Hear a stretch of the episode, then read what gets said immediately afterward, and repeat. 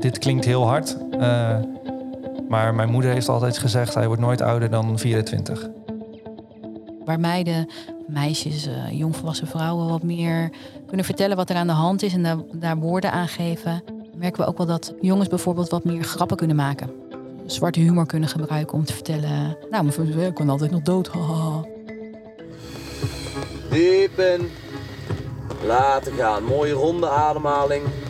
Geen pauze tussen in- en uitademhaling. Via je buik naar je borst naar je hoofd. Heel goed. Hoi, ik ben Evie Hendricks. En ik ben Eva de Schipper. Wij denken dat het helemaal niet zo makkelijk is om een man te zijn. Daarom banen wij ons in deze podcast een weg door het hoofd van de man. Dit is Op de Man af. Denk jij aan zelfdoding? Neem 24-7 gratis en anoniem contact op met 113 zelfmoordpreventie via 0800 0113 of chat op 113.nl. We gaan het hebben over een eh, moeilijk onderwerp: zelfdoding. En dat doen we niet voor niks, want cijfers van het CBS laten zien dat eh, twee keer zoveel mannen een einde aan hun leven maken als vrouwen. Ja. En daar schrokken wij heel erg van, hè, Eva. ja, ik vind dat echt heel erg heftig. Heel veel. Ik wist dat ook niet. zoveel. Ja. Je vraagt je dan heel erg af, waar zit hem dat in? Ik ben eh, jaren geleden een eh, oud klasgenootje verloren aan zelfdoding. En ik weet nog dat echt het hele dorp waar hij vandaan kwam op zijn kop stond. Het was ontzettend druk bezochte uitvaart. En eigenlijk wisten alleen zijn directe vrienden, zijn directe familieleden... dat het al langere tijd niet goed met hem ging. Maar voor heel veel mensen kwam het als een enorme schok. Ik vraag me heel erg af hoeveel mannen er op dit moment worstelen met donkere gedachten. En ja, kun je hen dan ook gewoon vragen van joh, zijn er momenten dat jij er misschien gewoon echt niet meer wil zijn?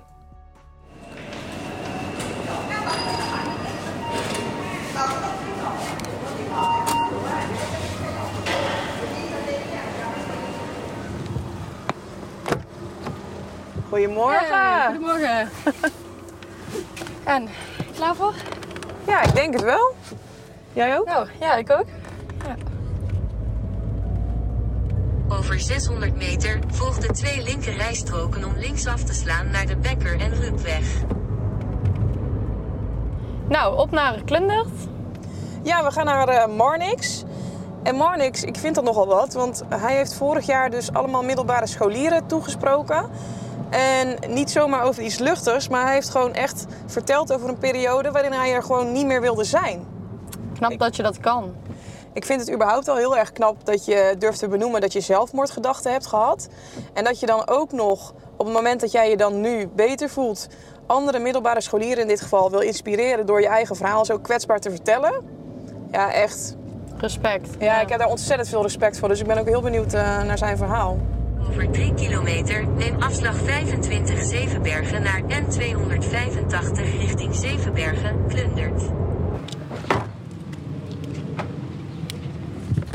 Is daar toch? Ja, nummer 9.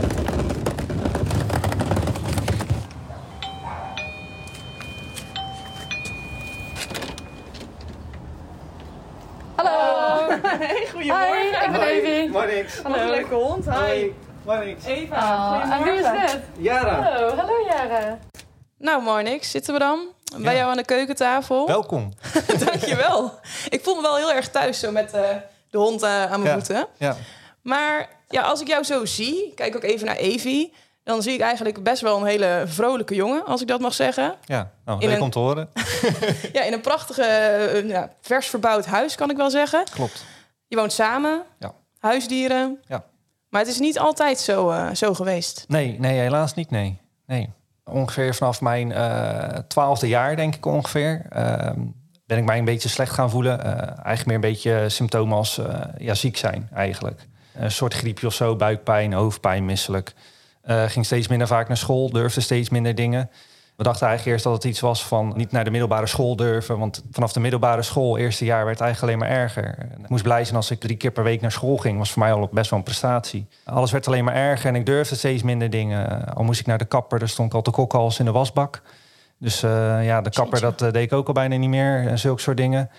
Psychologen afgelopen. En eh, daar komt toen eigenlijk uit een, een kleine winterdepressie. En verloop de jaren werd eigenlijk gewoon heel het jaar door... dat het ja, pieken en dalen waren, zeg maar. De dalen werden eigenlijk alleen maar erger dan de pieken. Dus je kwam er steeds moeilijker uit. Veel moeilijker, ja. ja eh, durfde ook steeds minder dingen. Eh, helaas ook een, eh, een mentor gehad die mij heel goed steunde, maar niet heus. Wat bedoel je daarmee? Nou, eh, als ik een keer op school was, was het voor mij echt super. Was ik super blij. Was ik één keer per week op school. Nou, yes, ik ben er weer. En had ik een, een mentor die het leuk vond om mij voor de klas te laten komen. Met, Marnis, kan je even deze opdracht oplossen? En eh, ja, daar werd er gezegd, ja, dat weet ik niet. Eh, heb ik niet gehad. Ik ben nooit op school geweest. En dan was van, ja, jongens, kijk, dit gebeurt er nou als je nepziek thuis bent. Nepziek. Ja, nepziek thuis ben. Ik kreeg ook alleen maar te horen dat ik eh, nooit iets zou bereiken van hem. En ik zou nooit aan werk komen en ik, ik, ik zou niks kunnen. En ik zou nog ineens mijn diploma halen. Op een gegeven moment was ik eigenlijk gewoon nooit meer op school. Ik was alleen maar thuis. Slapen, slapen, slapen. Achter mijn computer alleen maar spelletjes spelen. Ik kwam nooit meer buiten. Ik ging nooit met mijn vrienden mee naar festivals. Eh, ja, ik deed niks meer. En dat is eh, zo ver gegaan eh, dat ik het eigenlijk niet meer zag zitten. Voelde het ook uitzichtloos, omdat het zo lang duurde? Ja, ja dit klinkt heel hard. Maar mijn moeder heeft altijd gezegd... hij wordt nooit ouder dan 24. Mijn moeder had al het idee van... als het zo doorgaat, dan, dan gaat hij de 24, 25 niet eens halen. En ik moet eerlijk zeggen, ik had zelf ook al vrij aardig dat idee. Kun je je nog herinneren ehm, wanneer dat punt kwam waarop je dacht: dit gaat echt niet meer. Ik moet nu iets veranderen. 100 procent, ja. Ik zat eh, in mijn eentje op de skatebaan eh, in Willemstad. Ik woonde toen nog in Willemstad. Toen zat ik daar in mijn eentje. En toen had ik zoiets van, ik ga vrienden bellen van... Hey, komen jullie naar de skatebaan, gezellig wat doen of wat dan ook. En iedereen zei, ja, waarom zou ik nog mee omgaan? Want je doet toch niks. Je gaat nooit mee naar een festival. Eh, het is altijd nee. Je durft niks meer. Dus toen had ik zoiets van, ja, wat, wat is dit nou? En ik had gewoon echt letterlijk niemand meer. En toen ging ik weer nadenken van, oh, ik ben een sukkel. En eh, wat doe ik hier nog? En ja, toen had ik echt het idee van, ik ga nooit meer iets bereiken. En wat wil ik nog gaan doen? Want ik weet, ik weet ook nooit wat ik wil doen qua werken in die periode en alles. En toen eh, kreeg ik echt wel een eh, gedachte van, wat, wat doe ik hier letterlijk nog op de wereld? Ik, ik moet er gewoon mee kappen. En toen had ik eigenlijk het idee om ja, zelfmoord te gaan plegen. Was dat echt die eerste gedachte die je dan had aan ik wil niemand zijn? Ja, ja. En gel- ik moet wel toegeven, gelukkig waren het eh gedachtes en geen acties die ik wilde maken. Maar op dat moment kreeg ik inderdaad wel echt zoiets van, wow, wat, wat ben ik nu aan het denken? Want ik, ik wilde mee kappen en toen kreeg ik eigenlijk zoiets, dit, dit is niet goed. Want eh, dit is heel erg mooi. Ik heb een lezing mogen doen in eh Moerdijk voor de gemeente, voor de, het jongerenwerk. En eh, die hadden gevraagd of ik wilde praten ook over depressie. En ehm, hij heeft daar iets gezegd. En dat eh, ga ik altijd bij hem houden. En dat wil ik ook altijd gaan vertellen als ik zulke dingen mag doen als dit. Ehm, die heeft gezegd, wil je dood of wil je van je kutgevoel af? En toen had ik zoiets van, wow, toen kreeg ik kippenvel. Krijg het, ik krijg het nu weer. En dat is precies op dat moment wat ik ook had. Van wil ik dood of wil ik van het kutgevoel af? Toen dacht ik, nee, ik wil blijven leven. Want ik wil iets van mijn leven maken.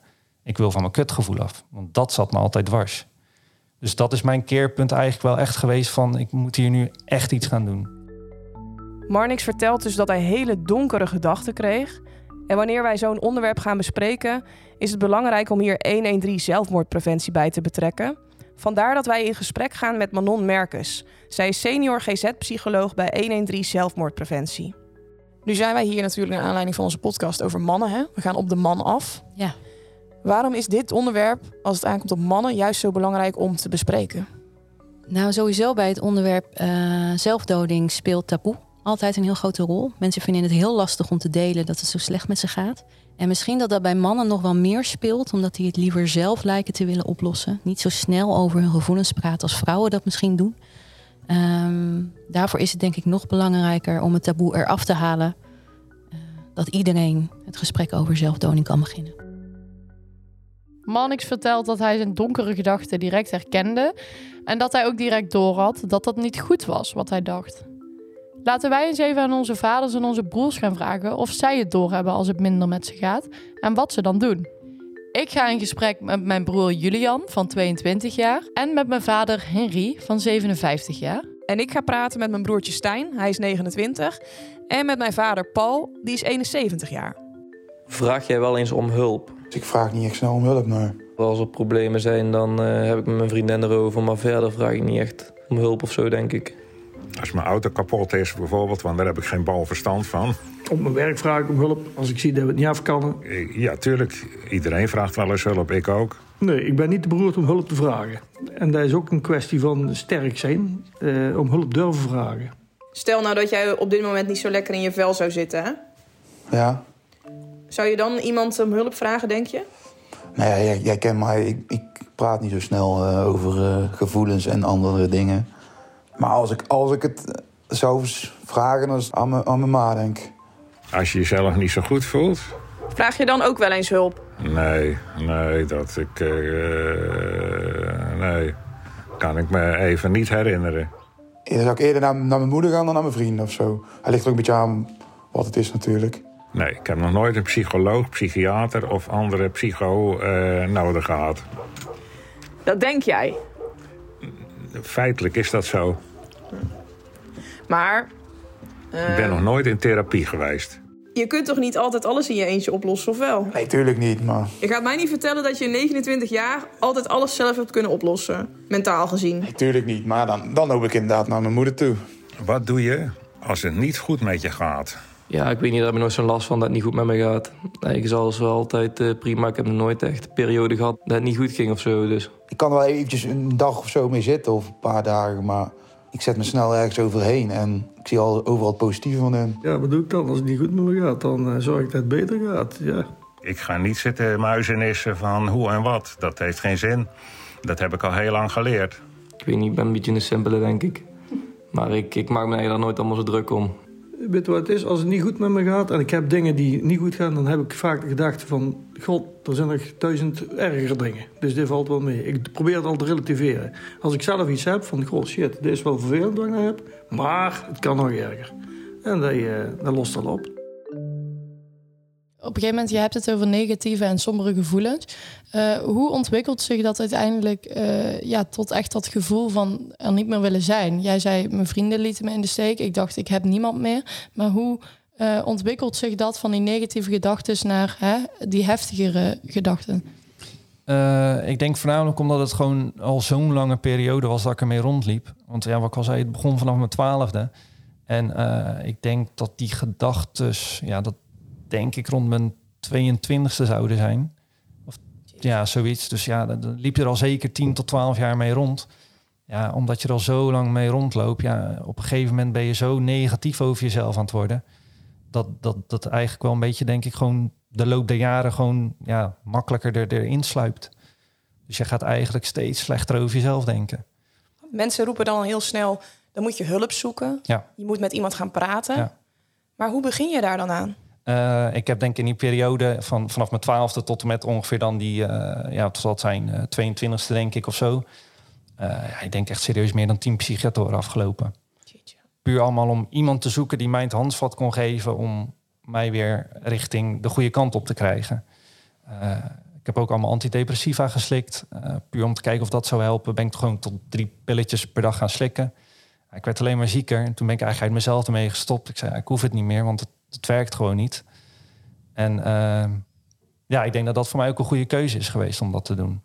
En uiteindelijk eh, ben ik ook van overtuigd dat een psychiater mij, mij eigenlijk niet heeft geholpen. Ik ga nou niet zeggen dat, dat het niet werkt, want het zal voor anderen echt wel werken. Ehm, maar bij mij is echt ehm, het jongerenwerk de doorslag geweest.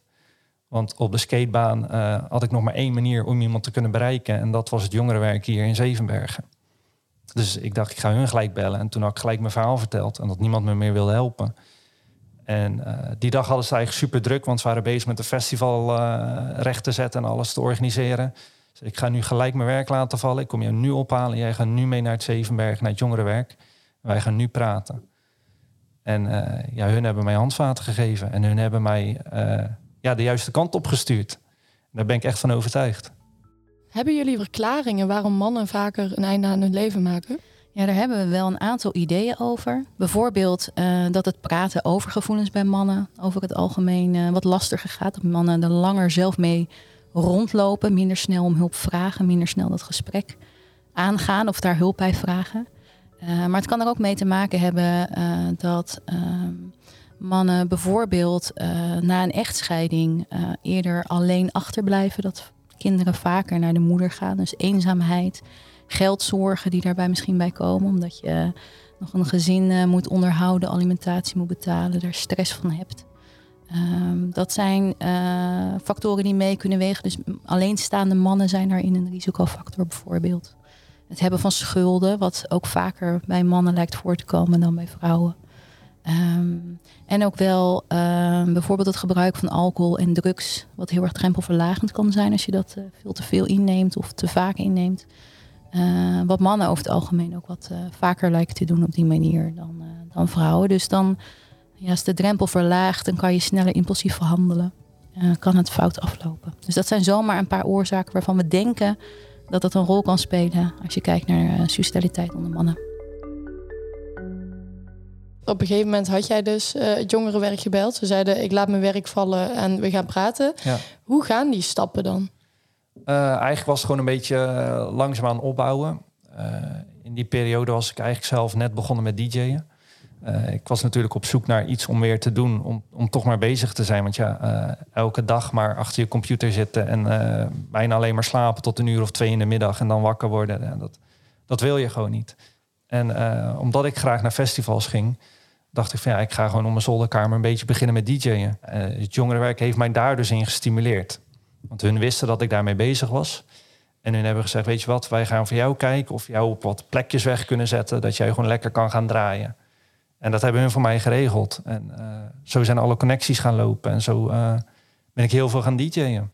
Terwijl dat mijn moeder eerst al zei van ja, hallo, je durft niet eens naar de kapper. Dan sta je te kokkenhalsen. En dan ga jij nu voor een podium staan voor 100, 2, 3, 400, 500 man. Ja. Ja, dat ga je ook nooit lukken. Ja, ik ben het gaan doen. En dat is helemaal uit de hand gelopen. En ik weet 100% zeker dat dat um, mijn omslag is geweest.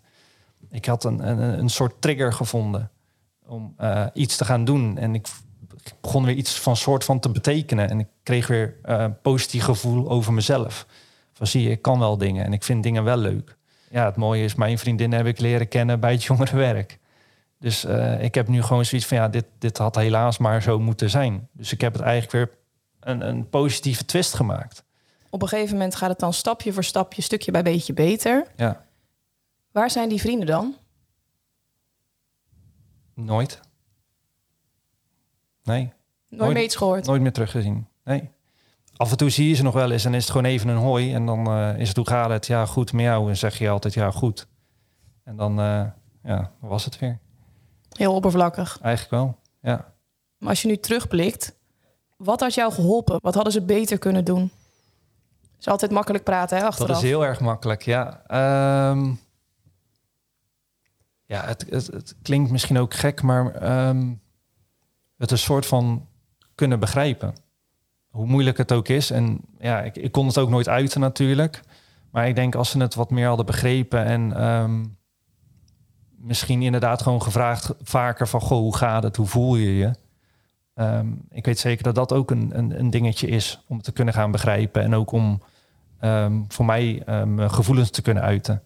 Want ik blijf erbij door uh, te praten, kan je heel veel oplossen. Werd dat te weinig aan je gevraagd? Hoe gaat het met je? Nooit. Ja, mijn ouders. Maar je ouders accepteer je dingen niet. je zou denken dat je het uh, wel merkt uh, op het moment dat het even niet goed gaat met iemand. Ja. Maar er zijn natuurlijk ook personen die een masker opdoen, hè? Zeker. Hoe prik je daar doorheen? Ja, nou dat masker is goed dat je het noemt hoor. Want dat, dat, dat is iets wat we vaker horen. Omdat mensen juist niet iemand durven te belasten. Zet je een masker op en uh, lach je het soms ook wel weg. Of wuif je het weg en alles gaat goed. Um, en we weten bijvoorbeeld dat uit onderzoek dat uh, jonge mannen of, jongens uh, een, een, andere manier van communiceren hebben over hun suicidaliteit dan meiden dat doen. Dus waar meiden, meisjes, jongvolwassen vrouwen wat meer kunnen vertellen wat er aan de hand is en daar, daar woorden aan geven, merken we ook wel dat um, jongens bijvoorbeeld wat meer grappen kunnen maken. Het weg kunnen wijven of een zwarte humor kunnen gebruiken om te vertellen. Nou, ik kon altijd nog dood. Eh, en dat het bijna geen ingang geeft voor een gesprek of dat je denkt, nou oké, dat was een geintje, het zal wel goed gaan. Ehm het is best wel verstandig, denk ik, om dan tussen de grapjes door eens nog eens extra te vragen van ja, je zegt dat nou wel, maar hoe is het nou echt? Ja. Eh, want eh, is dit nou echt een grap of gaat het eigenlijk niet zo lekker met je? Als je die vermoedens dan hebt van ik zie dat iemand hè, niet lekker in zijn vel zit en wellicht dat je vermoedens hebt dat diegene aan zelfdoding denkt, Ja. Zijn er dan bepaalde dingen waar je op moet letten om zo'n gesprek aan te knopen? En Wat het allerbelangrijkste is, is dat je ehm, probeert te begrijpen eh, wat maakt dat iemand het zo zwaar heeft. In eerste instantie door ook te vragen als je in gesprek bent en iemand geeft aan het gaat helemaal niet lekker en ik zie het niet zitten van joh, betekent dat het ook dat je er af en toe aan, eh, aan denkt van joh, het hoeft van mij allemaal niet meer, ik maak er een einde aan, dat je die vraag durft te stellen. Eh, en, en dan vooral proberen te begrijpen van joh, wat, wat, wat maakt nou dat iemand het zo zwaar ervaart dat ze denken, ja, dit is de enige oplossing voor mij. Ehm, te luisteren dus, op je handen te gaan zitten, niet het meteen te willen oplossen of met oplossingen aankomen. Eh, en ook niet te veel lichtpuntjes proberen te noemen. Het is heel natuurlijk iets dat mensen proberen te noemen van joh, maar er gaan toch heel veel dingen nog goed en eh, er is heel veel om voor te leven. Om dat juist niet te doen, dat is denk ik het belangrijkste. Omdat je dan echt iemand ruimte geeft om zijn verhaal te kunnen doen en eh, het idee kan geven van hé, hey, ik ben jou niet tot last met mijn verhaal. Je probeert mij te begrijpen. Ook als het heel zwaar is, eh, probeer je mij te begrijpen. Ben je nooit bang dat die gevoelens terugkeren? 100 procent. Daar ga ik altijd bang voor blijven. Ja, ja en ehm, dat is gewoon heel erg in de gaten houden. En dat is gewoon als, het, eh, als je merkt dat je echt nog verder gaat dippen dan dat ik nu eigenlijk doe. Ja, dan, dan moet ik gewoon aan de bel gaan trekken. Hoe doe je dat dan? Weer die positieve kant op gaan? Ehm, ja, voornamelijk dus een beetje rust pakken eigenlijk. En ehm, ik heb het idee dat het wel gewoon vanzelf wel weer een beetje goed gaat. Dus voornamelijk ook wel weer gewoon eh, ja, wat positiever weer proberen te denken en gewoon je ding blijven doen. Dus niet ja, terugvallen en maar weer blijven denken van oh, ik voel me weer somber en ik voel weer dit. Dus je moet eigenlijk weer gewoon denken van goh, eh, ik kan weer dit gaan doen, ik kan dit ook gaan doen en volgende week kan ik dat gaan doen. Dus niet inderdaad die terugval zoeken, maar gewoon je normale ding doen. Nee, maar het is ook niet zo dat je het negatieve gevoel negeert, denk ik. Nee, nee. Ik ga het niet echt negeren. Maar ehm, je moet er niet op doorgaan. Dus je moet niet blijven denken van... oh, ik, eh, ik voel me nu eh, onrustig. Oh ja, en dan ga je heel de tijd alleen maar gaan denken aan... oh ja, ik voel me onrustig, ik voel me onrustig, ik voel me onrustig. Want als je dat gaat doen, ja, dan, dan ga je nog onrustiger voelen. En dan blijf je maar naar beneden zakken. Dus eigenlijk ben ik gewoon mijn normale dingen aan het doen. En dan eh, op een gegeven moment vind je wel weer die, die switch om hem om te zetten... en dat het gewoon weer goed gaat. René, een van de redenen waarom wij deze podcast zijn begonnen, is omdat wij echt een enorme markt zagen groeien voor mannen en mentale gezondheid. Zo heb je tegenwoordig allemaal influencers, zelfbenoemde life coaches en allerlei goeroes die andere mannen willen helpen met hun mentale gezondheid. Dan zijn er dus bijvoorbeeld heel veel mannendagen, mannencursussen en mannenretretes. En dat loopt echt uiteen van de meer spirituele cursussen, trainingen, tot aan de wat meer op mannelijkheid gericht, op het krachtig zijn, op het eh, je gezin kunnen onderhouden, op sportief zijn. Daar zijn ook allerlei trainingen voor. Ja, nu wilden wij jou in eerste instantie sturen naar een, eh, ja, ik kan wel zeggen, een soort mannendag. Zo'n dag staat dan echt geheel in het teken van leiderschap, van echt eh, in je mannelijke kracht staan als een soort alfaman. Maar toen wij deze organisatie benaderden, merkten wij al gauw dat zij best wel huiverig waren. De organisatie van deze specifieke mannendag was namelijk bang dat we ze zouden neerzetten als een soort Andrew Tate aanhangers. En ze wilden echt het heft in eigen handen houden. Ja, jammer, want Andrew Tate is natuurlijk echt een uiterste. Hij heeft ook vrouwenonvriendelijke uitspraken. Maar ik denk het sentiment dat tussen die video's een beetje naar voren komt, is wel uh, mannen moeten sterk zijn, mannen moeten krachtig zijn, gezin onderhouden, heel hard willen werken. En ik denk toch wel dat dat een sentiment is dat best wel los van het vrouwenonvriendelijke onder veel mannen leeft. Wij willen natuurlijk een zo breed mogelijk beeld schetsen van wat er allemaal op die markt is voor mannen. En ja, die kans hebben we dus nu niet gekregen. Nee, dat is zonde. We hebben contact gehad met een hele hoop organisaties. Maar toen ik contact had met Ad Hamers van Herken Jezelf, toen werd ik wel heel enthousiast. En jij hebt een uitnodiging gekregen voor uh, zijn retreat. Ja, ja, ja, ja voor, een, uh, voor een retreat in, in een bos. Dus dat, uh, het spreekt mij in ieder geval heel erg aan. Dus we gaan terug de natuur in. Ja, op zoek naar je innerlijke oerman, René. Ja, we gaan het zien. Ik ben op een prachtige locatie midden in het bos gekomen in Hilvarenbeek. Waar ik ben voorgesteld in de groep waar we ongeveer met tien man, mannen zijn. die elkaar ook niet kennen.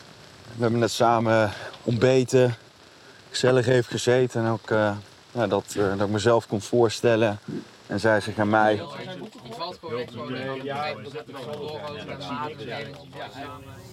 En dan gaan we zo starten met de 30 hele diepe inademingen. En laat los. Diep in. Laat los.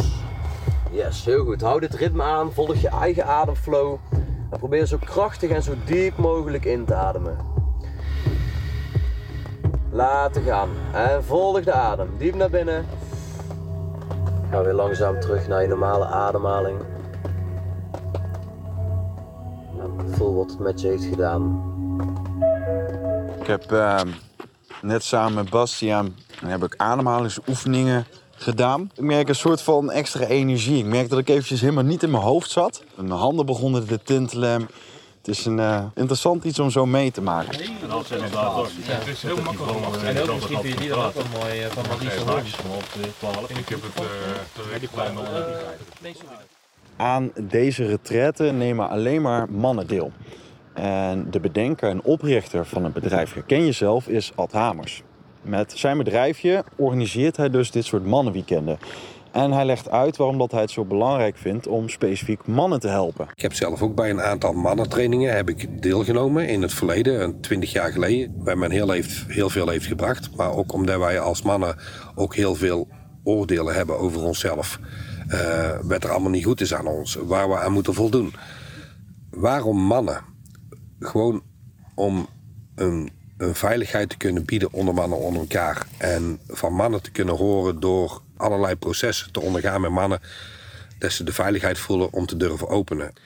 En dat is het mooie, na een dag al, maar ook na zo'n uh, mannenretreat, over meerdere dagen, dan voelen ze de verbinding en dan durven ze te openen en dan durven ze te delen. Dat is zo'n mooie transformatie die dan eigenlijk in een paar dagen uh, gerealiseerd is dat mensen zoiets ook hebben van... wow, had ik dat maar eerder geweten. Weet ja. niet, ik loop al jaren bij een psycholoog. En dan gaan we zo meteen eerst de stenenceremonie doen. Tijdens de ceremonie worden alle stenen geëerd. Die krijgen allemaal een intentie mee. En houd steen bij jouw hart en geef ook jouw intentie aan de steen. Moeder aarde, deze steen legt aan mijn hart dat wij een start mogen maken met het oplossen van onze issues. Au. Au. Deze steen leg ik voor acceptatie, overgave, het loslaten van controle. Aho. Aho. Het woord aho is uh, een woord wat afstamt uit de taal van de Indianen.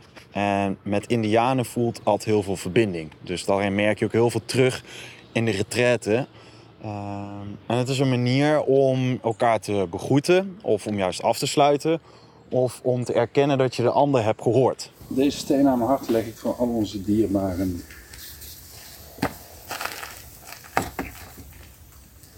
Hallo. Hallo. We hebben net uh, in een kring gestaan met de stenenceremonie, waarbij we allemaal om de beurt een steen mochten leggen en ook een intentie meegeven aan die steen. Want die warme stenen worden dan straks weer in de zweethut gelegd. En dan komen die intenties vrij.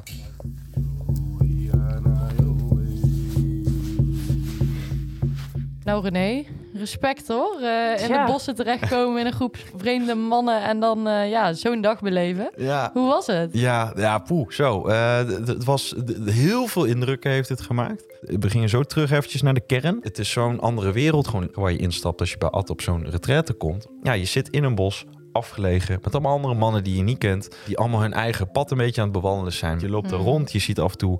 Zie je altijd met een, een van de deelnemers apart gaan zitten. En die hebben het dan ergens over. En dat loop je dan langs. Dan hoor je af en toe een zinnetje. En denk oké, dit is even persoonlijk. Ja, en we hebben nog niet alles gehoord. Nee. Want eh, jij gaat ook nog de zweethut in. Ja, de grand finale. Ja, ja. Dat horen we in de volgende aflevering. Zeker, ja. Dit gesprek met Manix heeft echt heel veel indruk op mij gemaakt. Ja, op mij ook. Ik eh, vond het vooral heel bijzonder hoe open hij was. Ja, hij wil er echt met mensen over praten om dat taboe te doorbreken. Dat was wel een confronterende weg, want daarvoor heeft hij heel hard aan zichzelf moeten werken. Ja, en over dat aan jezelf werk gesproken. Ik bedoel, als wij om ons heen kijken, je kan tegenwoordig op allerlei verschillende manieren aan jezelf werken. Wij hebben natuurlijk voor deze podcast even zitten googelen. Er bestaan bijvoorbeeld mannencirkels, er bestaan zweethutceremonies. Hebt tig zelfhulpboeken speciaal voor mannen. Die schieten echt als paddenstoelen uit de grond. In de volgende aflevering gaan we het hebben over zelfontwikkeling. ja, ik weet dat ik een vrouw uiteindelijk weer naar huis mee had eh, genomen. En de dag daarna dat ik ook dacht van ja, maar ik wil dit helemaal niet. Dit, dit, dit vind ik helemaal niet leuk. En dit, maar het is wel, onder de mannen heerst er ook zo'n cultuur van, eh, weet je, met pandapunten, zoals je dat, Ja, ik ja, weet ja. niet of dat nog steeds ja. bestaat. Maar ja, hoe- onder de studenten. ja, onder de studenten, hoe lang sta je al droog? Mannen lopen vast op hun werk of lopen vast in hun relatie. En dan ook wel zien van, ja, weet je, ik weet het allemaal niet meer, dus ik ga mijn hulp zoeken. Ah, fucking hell.